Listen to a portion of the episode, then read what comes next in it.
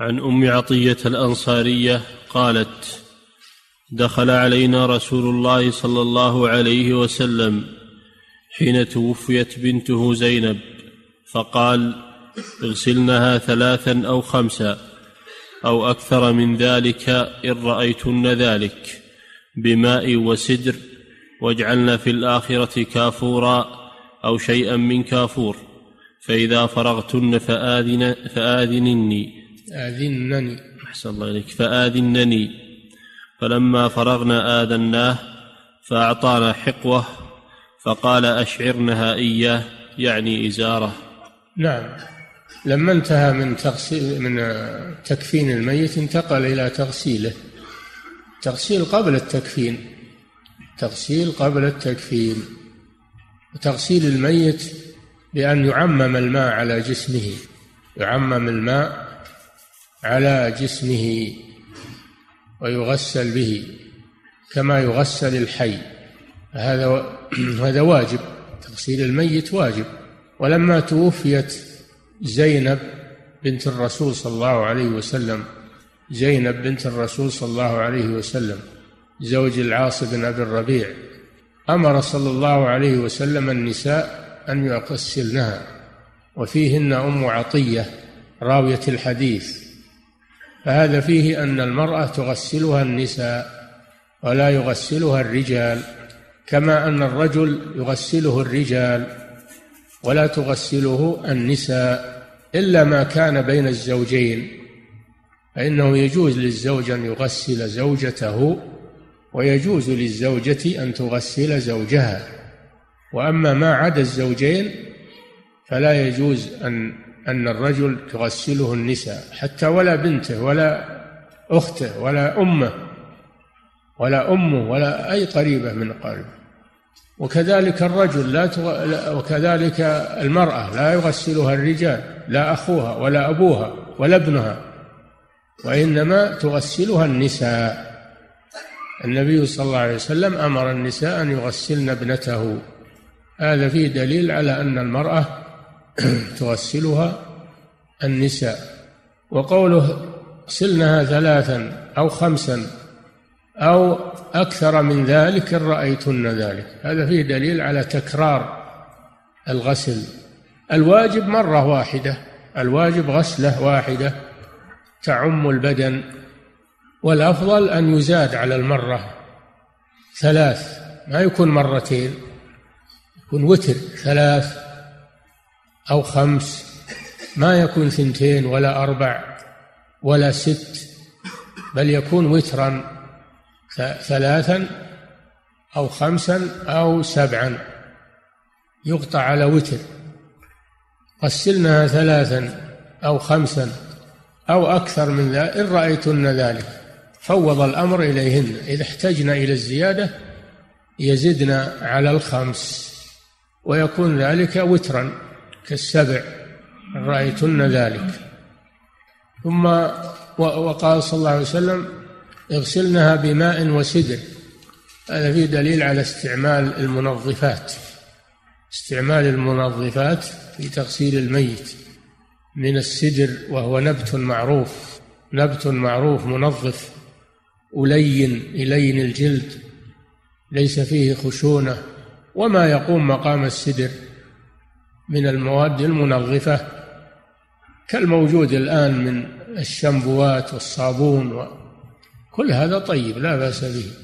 استعمل المنظف الذي يزيل الوسخ ينظف الجسم. بماء وسدر. هل يخلط السدر مع الماء؟ لا. السدر يجعل في إناء خاص. يجعل في إناء خاص. ويستعمل في رأس الميت شعر الرأس وفي بدن الميت ثم يتبع بالماء. يتبع بالماء من أجل أن يتنظف الجسم. واجعلنا في الأخيرة يعني في الغسلة الأخيرة كافورا. والكافور مادة طيبة الرائحة مادة طيبة الرائحة وأيضا تصلب الجسم بدل الرخاوة. ما الجسم ما يكون رخوا. هي تصلبه وتطرد عنه الروائح الكريهة. فلذلك أمر أن تكون في الغسلة الأخيرة من أجل أن يبقى عليه أثر الكافور. أما لو كان في الغسلة قبل الأخيرة زال مع الماء. فيكون في الغسلة الأخيرة من من أجل أن يبقى أثره أو شيئا من كافور. المعنى واحد. المعنى واحد لكن هذا من دقة الصحابة رضي الله عنهم في الرواية. هذا شك من الراوي. ثم قال إذا فرغتن فآذنني يعني أعلمنني. هذا في دليل على أنه لم يحضر لم يحضر تغسيلها وإنما كان خارج المكان الذي تغسل فيه. فأعلمنه بأنهن فرغن فأعطاهن حقوه أي إزاره. الحقو والإزار. أو الحق بالحاء بالفتح فتح الحاء وهو الإزار. وقال أشعرنها إياه أي اجعلنه مما يلي جلدها. الشعار هو ما يلي البشرة والدثار ما فوق الشعار. الدثار ما فوق الشعار. والحكمة في كونه صلى الله عليه وسلم أعطاهن إزاره من أجل أن يناله أن ينالها من بركته صلى الله عليه وسلم. فهذا فيه التبرك بثياب النبي صلى الله عليه وسلم وملابسه وريقه وما انفصل من جسمه وعرقه ووضوءه. تبرك بما بما انفصل من جسمه هذا مشروع. أما التبرك بقبره أو ببيته أو كما يفعله الخرافيون فهذا لا أصل له هذا وسيلة من وسائل الشرك والوثنيه أما التبرك بما انفصل من جسمه من شعر أو عرق أو ريق أو ملابس فهذا مستحب لبركته صلى الله عليه وسلم.